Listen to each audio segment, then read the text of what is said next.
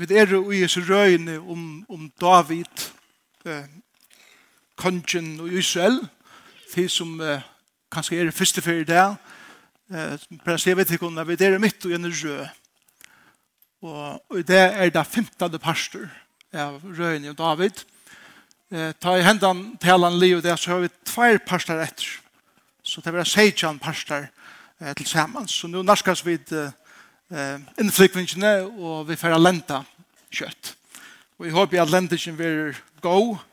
Jeg håper ikke at beinet sunnan tjåkon, og så gjør vinter av noen her vestre, og men jeg håper at det blir en god lending, men at Herren skal djeva okkon nøye til at at gjøre Hvis jeg røyner litt nå, og jeg ber om at hun er til sikning og til styrke for jeg kan.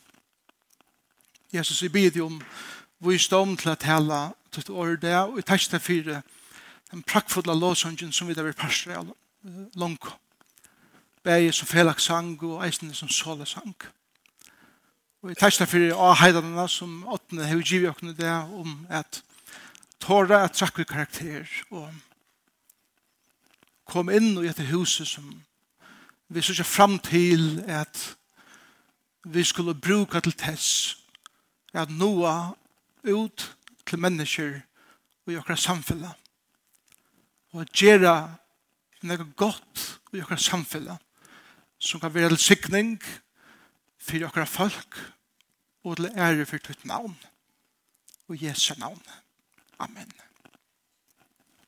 Og det er teksteren eh, David og huset, husgods. Og tid som eh, er av bølsen som løvden i Facebook tid da du mest til at det gav deg noen kapitler å lese. Og flere folk har sagt om Jørgen Vikna altså hva til å få beskjur hæsen teksten? Noen lenge liste av nøvnen og tænasten og alt møvelig som ganger fyrir seg. Og jeg husker om det ja. Hva skal jeg få beskjur hæsen her men jeg håper at, at vi får få noen god ting på skjur David var konger i Israel i 40 år. Det er lengt høy. Og det første som David gjør det ta, og han eh, ble konger i Jerusalem, og han ble etablerer, var, som vi langt har tatt seg om, er få sattmål av ørkene nyan til Jerusalem, for han har bygd god til et nytt tabernakkel, til tabernakkel som eh, Moses la bytje i øyemørsene, og som Josva tog en lande. Det tabernaklet ble vekk, ångstene. Vi vet ikke hver det ble av. David bygde et spilden ut telt til, til herran, som gav folkene et sted å komme i et tilbe god. Det er det første som har gjort det som konger. Nå er det kommet, nå er det 40 år Argentin, eller 35 år gjengen, og det som David vil enda sitt liv i, det er at djeva god en halgedom som kunde være mer permanenter enn tabernakle, så at folk kunne komme og samles i en steg hver de tante gode, hver de eh, offra og til god, hver de låsung og eisende hver god kunde møte teimen og tema teimen. For ta så synder om det her og i det. Tempelet. Ikke, ikke så han ikke om byggingen av sjolva og alt det her. Jeg halte ikke at, at det er ganske mer bibelskola eh, materiale at ta så om alt det her. Og det er vel det gjør det bare en sånn stora mynd av løyven som David ser fyrer seg i tempelen. Eh, tabernaklet var 400 år gammalt. Det var Det var cirka godt 400 år siden de kom ur øyemørsene inn i Lovia landet. David, han, han er konger i Jerusalem, og han fer til en mann og sier at jeg vil gjerne kjeipa eh, gjør fra det her er bytja et tempel. Og som er sier vi, vi David at det, det skal du eie. Det er ikke noe som vi eh, eller som jeg vil takke penger for. Og spiller seg et vers 4, og, og, og, i ære sammanspåk 24, og vers 24. Um, Jeg leser litt, men kongren sier svære i uh, Arauna, nei, jeg skal kjeipa til, altså hjørna, fra til her, for pening, og så er det sånn liten her på. Jeg offrer ikke herren og god og møyen og brenner jeg for, som ikke har kostet mer. Så ikke hun hukk på rundt til David. Jeg vil ikke liva et liv hver jeg eh, bruker mine godstyrskan til bare nega som koster meg så pikkeløyte, eller som eh, koster meg løyte av orsko, løyte av uiløve og, og alle tingene. Det som jeg vil gjøre for god skal være nega som jeg føler er offre nega fyrigheter. Sjalt om jeg vil bjåa å få det gratis, så er min hukkborer tann at Jeg vil ikke tega mot noen slukken gratis. Det skal kosta meg nekka. Og det sier utrolig nekk om okkon og vi okkon og en samfunn som vi bygger i. Hva vil hava så nekk som mulig for sløyde penger som mulig. Jeg vil føre at han hukk for inn i godsvers geisene. Og hva får vi dere som fatøk? Og det er mange tog jeg vil ikke vilja velja offra okkon. Så det kostar okkon nekka som David eisen gjørt. Her brent. Så han, han, han vil bytja tempelet, og det er som særlig vi i sin stenen som, som tempelet i Jerusalem var bygd av. Og her som tempelpadleren i Jerusalem men stenter. Det var Moria fjall. Moria fjall var et avvist sted som var tøttninga mykje for søvende til Israel. Og det er at det var stedet som Abraham var sinne for og skulle offra sin son Isak. Samme fjall. Og uttøy er at Abraham skal offra sin son, så stekkar goden og sier, nå sier jeg at du har halka vårt himmelen. Og han ser et lamp, vi har fengt i en runde, og han teker lampe og offra det her i stedet for sin son, som er en mynd som peker nå forbi David og tempelet fram til at Guds lamp skulle enda komme og være offra og samme fjallarritje som tempelet ligger av. Golgata og, og tempel, eh, fjallarryggeren, er det samme fjallet. Og dette er steget hver offringene og løyve. eh, og i gamle sementet til det kom til Guds styrkan og nærvær av Guds vær. Sier ikke til Lise Fyre og eh, Longo Arns Hansen at eh, i fyrir krønikebok kapittel 22 vers 5 at David han fyrir vita at uh, du slipper ikke å bygge tempel. Du, du har vært en barde med over, du har vært um, nek blå har flått i undan tunn i hånd, og det skal være frie mennesker som bygger mot hus, og du skal det være Salomon. Og Salomon til Arne, og Salomon var som konger i fjøret i Arne, og til alt til Arne, Salomon var konger, var frier. Det var ikke krutsk av Salomons døven, og han fikk fri å bygge tempelet livet. Alt som jeg elsker, vi, vi uh, David er det her at han har et hjerte at vilja at sleppa at offra god nega. Han ville bygge det tempelet. Men ta og han fer et nei så blir han ikke bæsker. Det er fantastisk han. Og jeg ofte at vi får nei i løvnen, og, og, og ting vi er stekka i som vi vilja, så blir vi kanskje bæsk, og vi blir irriteret i, og så vi er. Og vi kanskje blir eisen irriteret i innan de som så annars får at det som vi tøtt vilja kjørst. David, han ventet i høtte og sier, Salomon, sonen min, er sikne til uthusen til kjørst. God til å få mer, Men han har lagt mer hjärsta att etcha här till att göra detta arbete livet. Det er fantastisk hukkbord som David eisen är her til ta och god sier. Nei. Så Salomon er han som, som bygger tempelet, men David er han som gjør alt klart. Han samlar materiale, og vi leser i kapitlet som vi tar oss om, eller som vi kan lesa, at her er en sånn ørgrunne av silver og godlig og stein og ødel og møvelig, at det er ikke til å telja til så det kver, og han samlar alt. Han, han organiserar alla godstyrskanna, og han, og han eh, eh, ser ikke at alla tekningarna er så tid arkitekter og tid som tekna alt ved bygging. David stå fire tog til tempelet i Jerusalem. Så jeg tar i Salomon og arkitektene og alle som bygde vi hånden eh, trakk av til, ta vi prosjekteringen pura klar. Og han trakka inn i et, et bytja det. Og det tok tjei år til Salman å bytja tempelet. Det tar det ikke fyra kyrkene på, men å bytja selv tempelet tok tjei år. Um, tempelet var bygd ikke bare av arbeidsfølg. Tempelet var bygd av listafølg. Det estetiske og det praktiske, eller funksjonelle i tempelen, gikk hånd i hånd. Det var viktig for David at tempelet ikke bare var funksjonelt til en avvisa eh, til en avvisa endamål, men at samme vi funksjon var det estetiska eisen til stier, som reflekterer i dørt gasko og vekerleika gods, så det gikk hånd i hånd. Og David sier det for ødlen tog at, at lista folk og arbeidere fra alle verene kom inn at bytja tempelet. Sendra ena, ena stender i uh, halde det er ærekronikabok at, at uh, ta ut her uh, høgte steinene til som, som tempelet er bygd av, hørte man ikke ena for et hemmerslæg Ikke en for.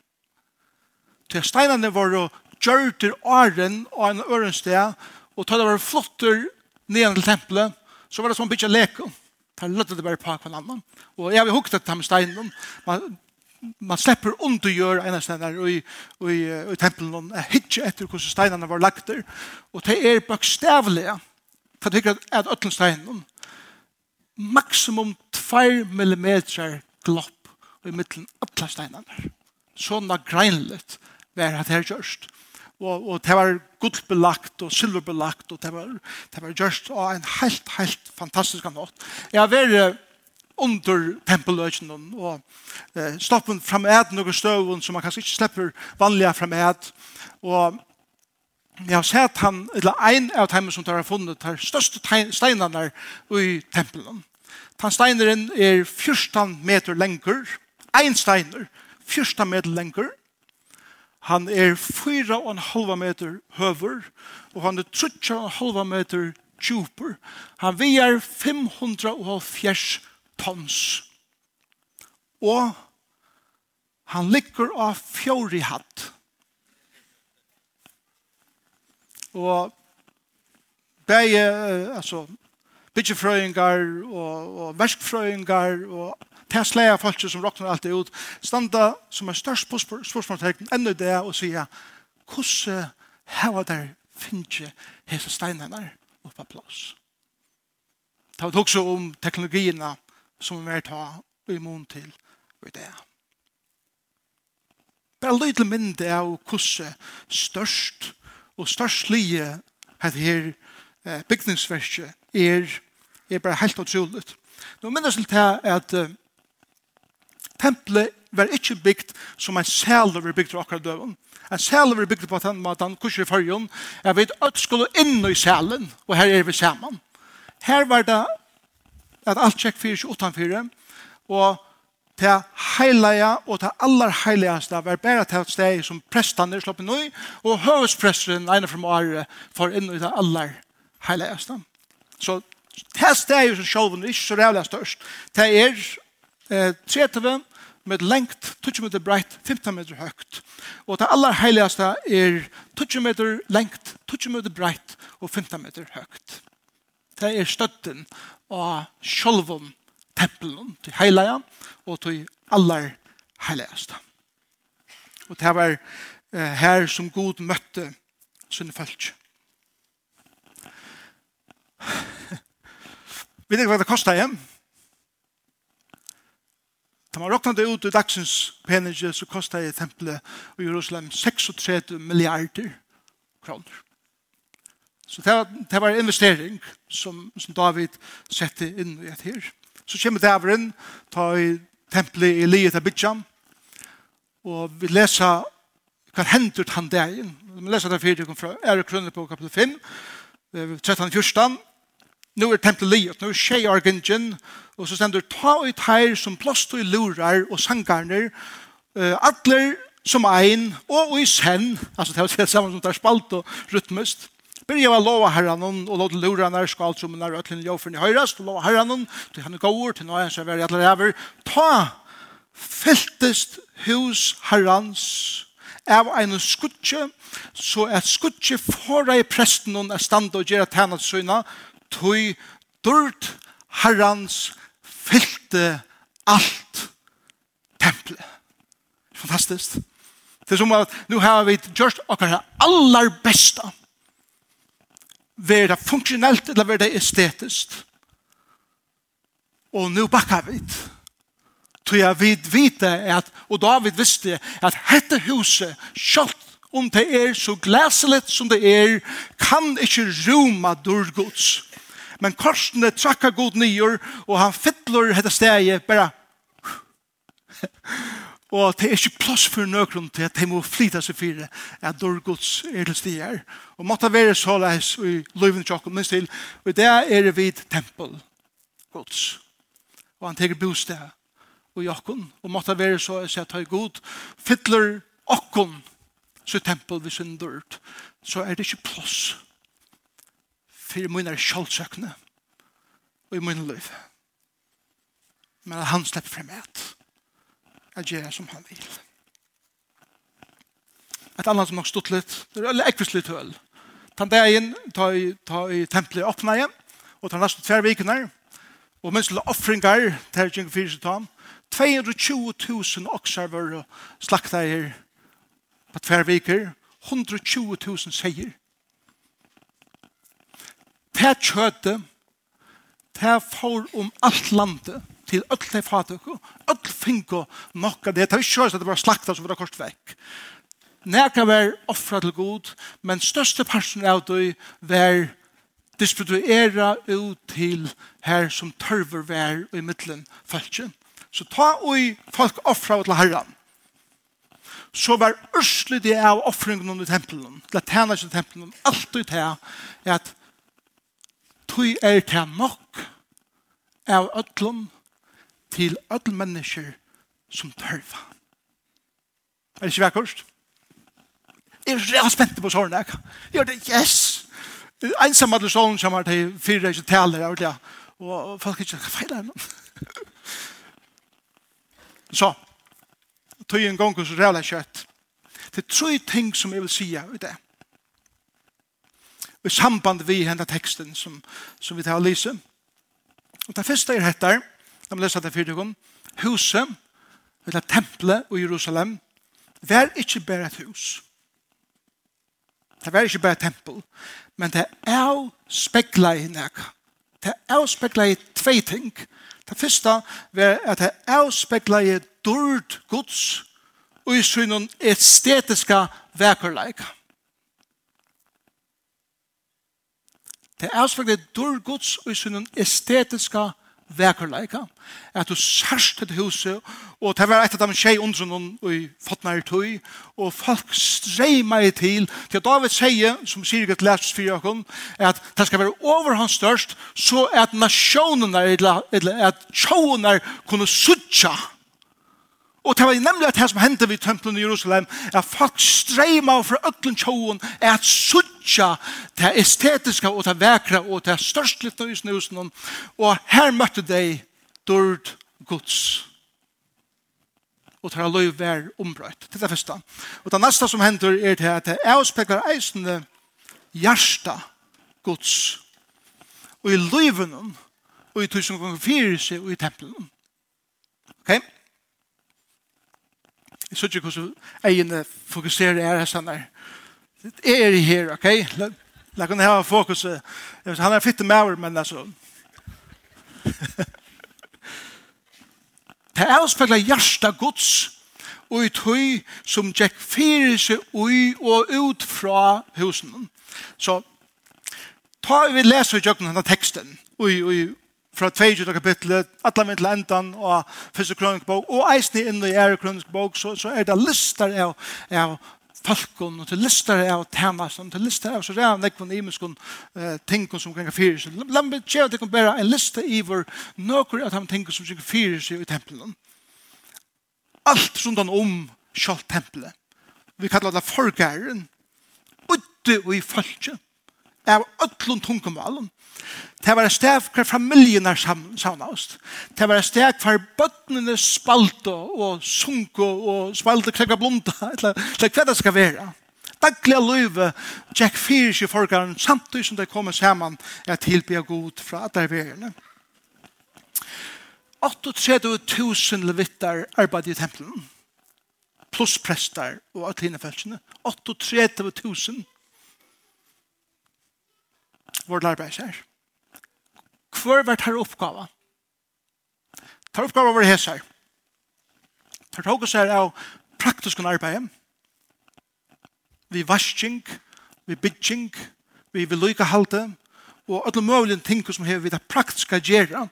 Så gjerne tok oss eisne av offringen, og minst til, og i tempelen var et øyelig slakt oksar, at han oksar, lomp, at han lomp for drypen, og det skulle jo flettast, og det skulle parterast, og det skulle byta sundur, hva skulle offrast, og hva skulle gå ut til falskene, så vi er teir tog oss her av öllum tog praktiska i tempelen. Um, teir gjør det kjøte klorst, og da gjør det med klaran til jeg fer ut, jeg byta til det fatuk, og teir 800 000 menner, var ikke bare til arbeids i tempelen selv, men det var sendt ut fra tempelen til alt landet. Vi kjøte, vi mæte, at djeva ut til de som hadde bruk for at få mæt, servere igjen. Tar for det rituelle rituellar rensan, tar det inn tempelet enn i det, så finner vi det som hadde mikfa. Mikfa var sånn little dopeskær som at ta en ferramauer hei fyrre nekka kilometrar, og han var støvet og heit og alt det der, så får han lukka nir ui et bæ og vaska hans her, og for jeg kommer regner inn i tempelet, så sier det her fire, atler tøy tjenestene.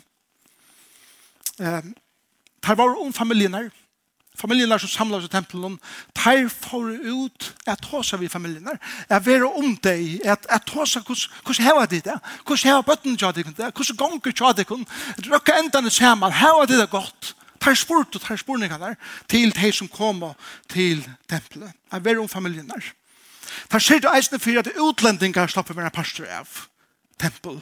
Det er eisne veitur folkar hedningarna, og det var et steg for utlendingar kunne komme, Og teir eisne våre tanter, og våre bjóar inn er at vera vi og i godstyrskan, der det kommer, eh, jeg tilbe herran. Det tok seg at han var sjuka. Men det at Jesus grødde ofte i tempelen. Han var en temple og han møtte, møtte anker som sjuka, og han grødde det. Tempelet var et steg for det sjuka kom og eisne. Og levittene var et slag av laknum, et eller annet falkon som, som syr fyrir helsen av menneskjon. Og Jesus sier jo ofta vi, vi eh, folk som han grøtte, fær nu til presten og let han synad. Og det var fram i en tempel og, og vite om alt. Om jeg var regner nu fram i Spedalske og han stedfestet det og alt. Det er øyelig praktisk arbeid som kan fyre seg ut fra tempelen. Og et annet som det har gjort var det at her lærte. Her dødde og år gods og som familien der så ut og alle møresen der, så var det opp, oppgang til heimen og sette seg nye sammen vidt heimen og lære, lære deg eh, årgods. Og alle sette reisene er at her fære oss kring landet vi lovgods at lære folk. Så så jeg litt, tempelet er av en av en sånn geografisk sted, Her gongen er liv fyrir seg ui, og eisne ui tui områden som tempelet er, men enda målet vært her er at det som gonger fyrir i husen skal eisne spreiast ut til alla nasjonene. Nå, så er det hva vi lærer alt det herfra som vi gjør i samkommunen i det.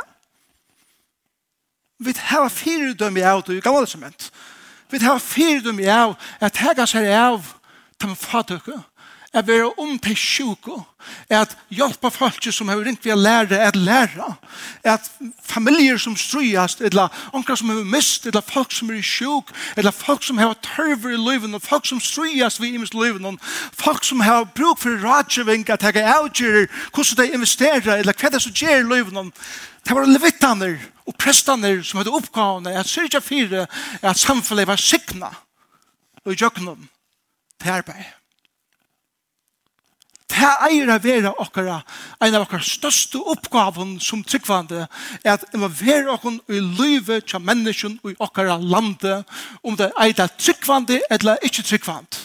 Okkara oppgave er at skoina dørt såleis i, i, i det estetiske maten vi lever på og vi, vi skapar verkerleggere om okkara, samtidig som vi avspekla hjärsta gods för människan vid att involvera okon i livet av och en praktisk hatt. Og ta vi kommer av en byggning her nere, er min største dreimer om bygningen her. Ikke til at vi har fantastisk lovsangsmøter og alt det tingene her bare. Men at det løyve som gonger fyrir seg ui og ut fra er til at vi samlas som folk her vi til eia. Hva kan vi gjøre for familien her i haun og i fargen? Hvordan kan vi hjelpe dem som er fatøk? Hvordan kan vi være om de gamle som Sjalt om vi har et system som tenker seg av dem, men mengan sida pura ensamhet. Hvordan kan vi hjelpe bøttene som stander i lengre kø til å ta seg ved en psykolog til at de ikke råd til det, eller til så nekv og til så feir som kan hjelpe dem. Hvordan kan vi være en, en utrettet armer i akkurat samfunnet som kan være et beinleis, ljós og hjelp fyrir til falske som vil liva i middelen. Hvordan kan vi være steg for sjuk koma, eller bare byen fyrir, eller bare helden om og så videre. At det ljøse som er nye i byggningskyrkan og det arbeid som vi gjør, vi har samlet klær inn og gjør det vi gör är det kvätta så er. At det er det som knyter oss sammen. Og så er lovsanger og gode taler og alt det der. Det er bare sånne ting vi syr der av. Det händer bara sådana där og, og och några få affær, Men det er livet som går ut fra oss är det at vi avspeklar hjärsta Guds fyrir ta menneskjon som han har sett okkon at liva i middelen. Det er det første som vi sier. Det neste som vi sier til dette er at offringar og lovsonger standa omgande ensamata for seg sjálvar utan er vi tæna menneskjon er okkara offringar og lovsonger til god fatakers. Og det som vi sier vi tog er og jeg skal bare tenke et, et døme fra musikken og i tempelen.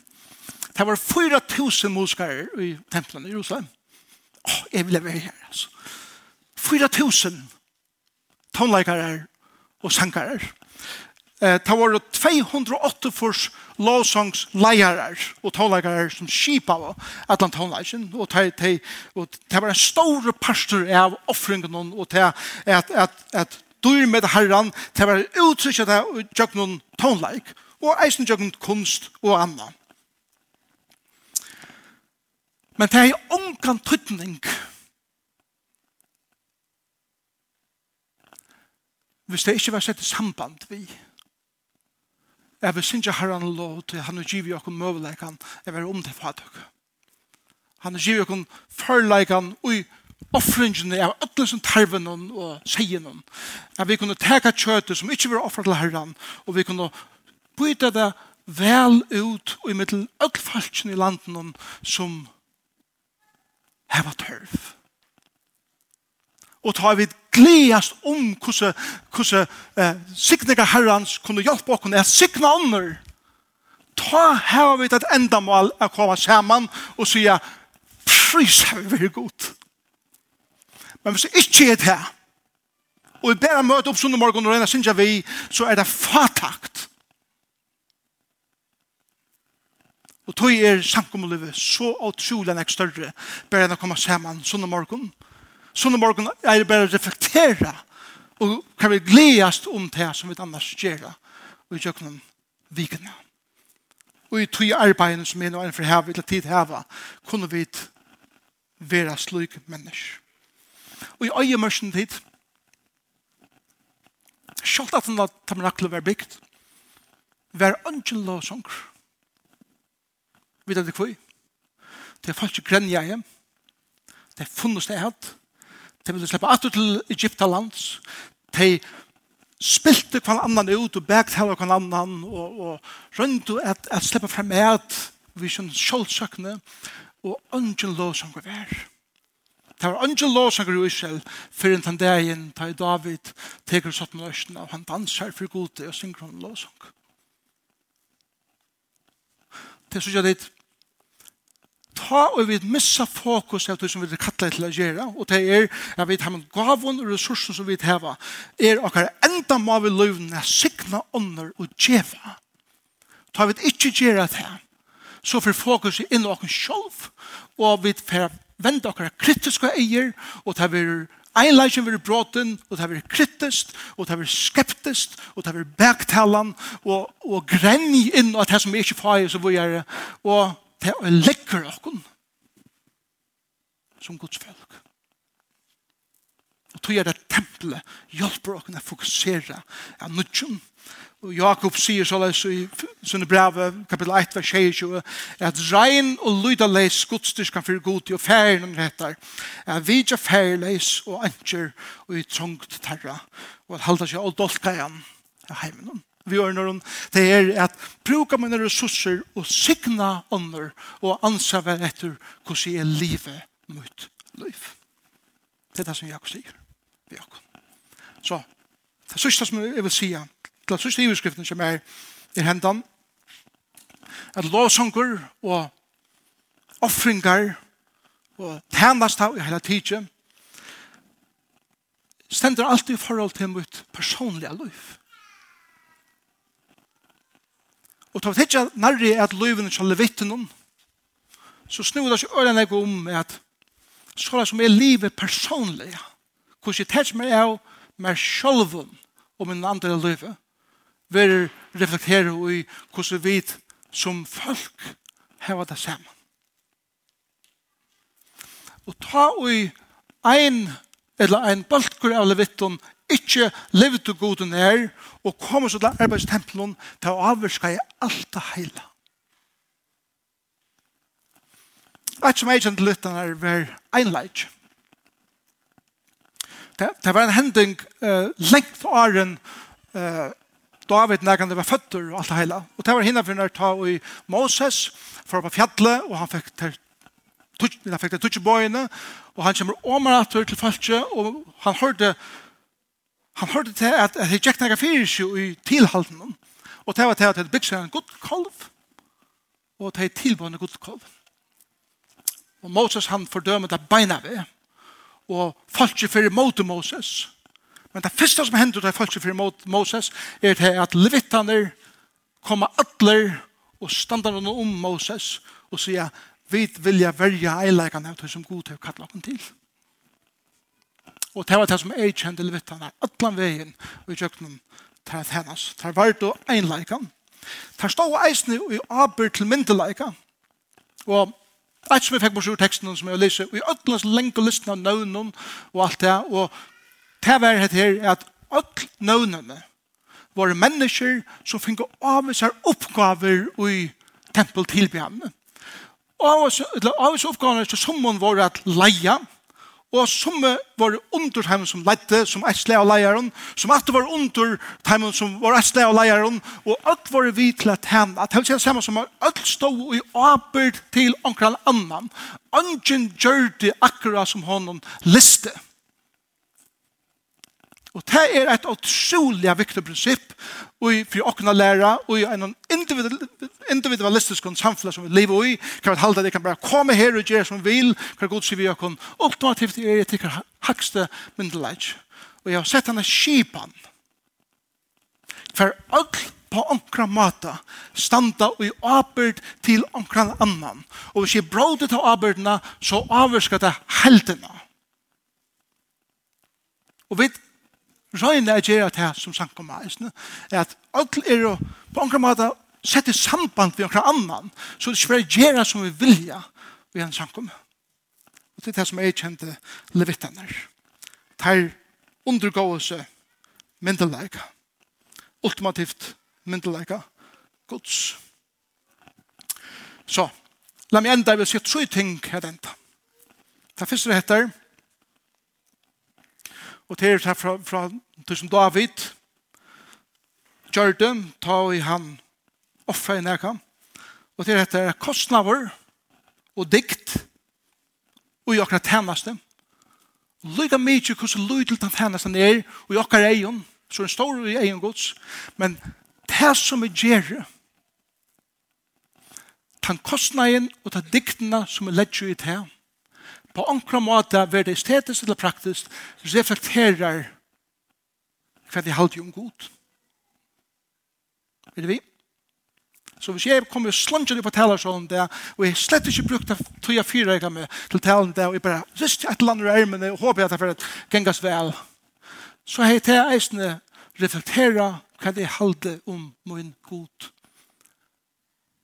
Eller så sundagsskolen er, eller tonleikar, eller oppsittlærer, eller tele penger, eller hva det så er som du gjør til samkommende, er bare ikke.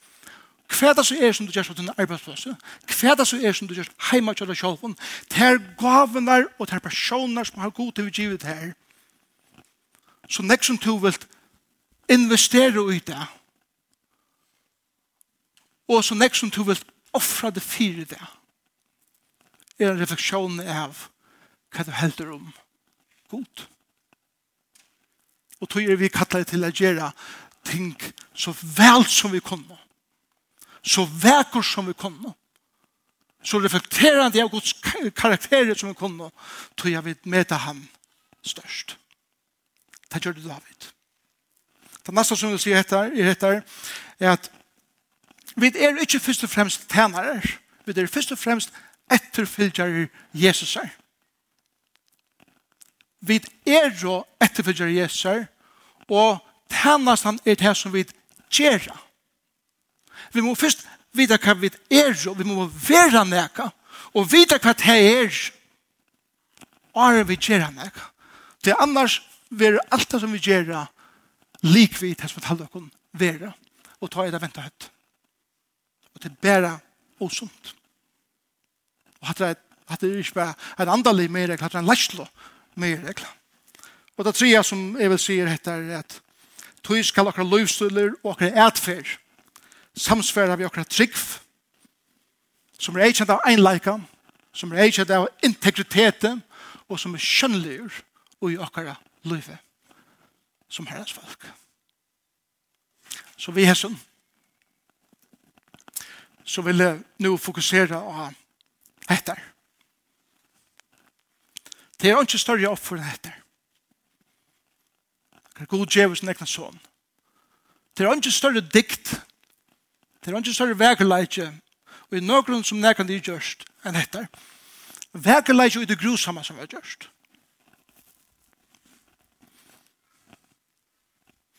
Hvis det angar offringer var i tempelen, så var det ikke lovsanger.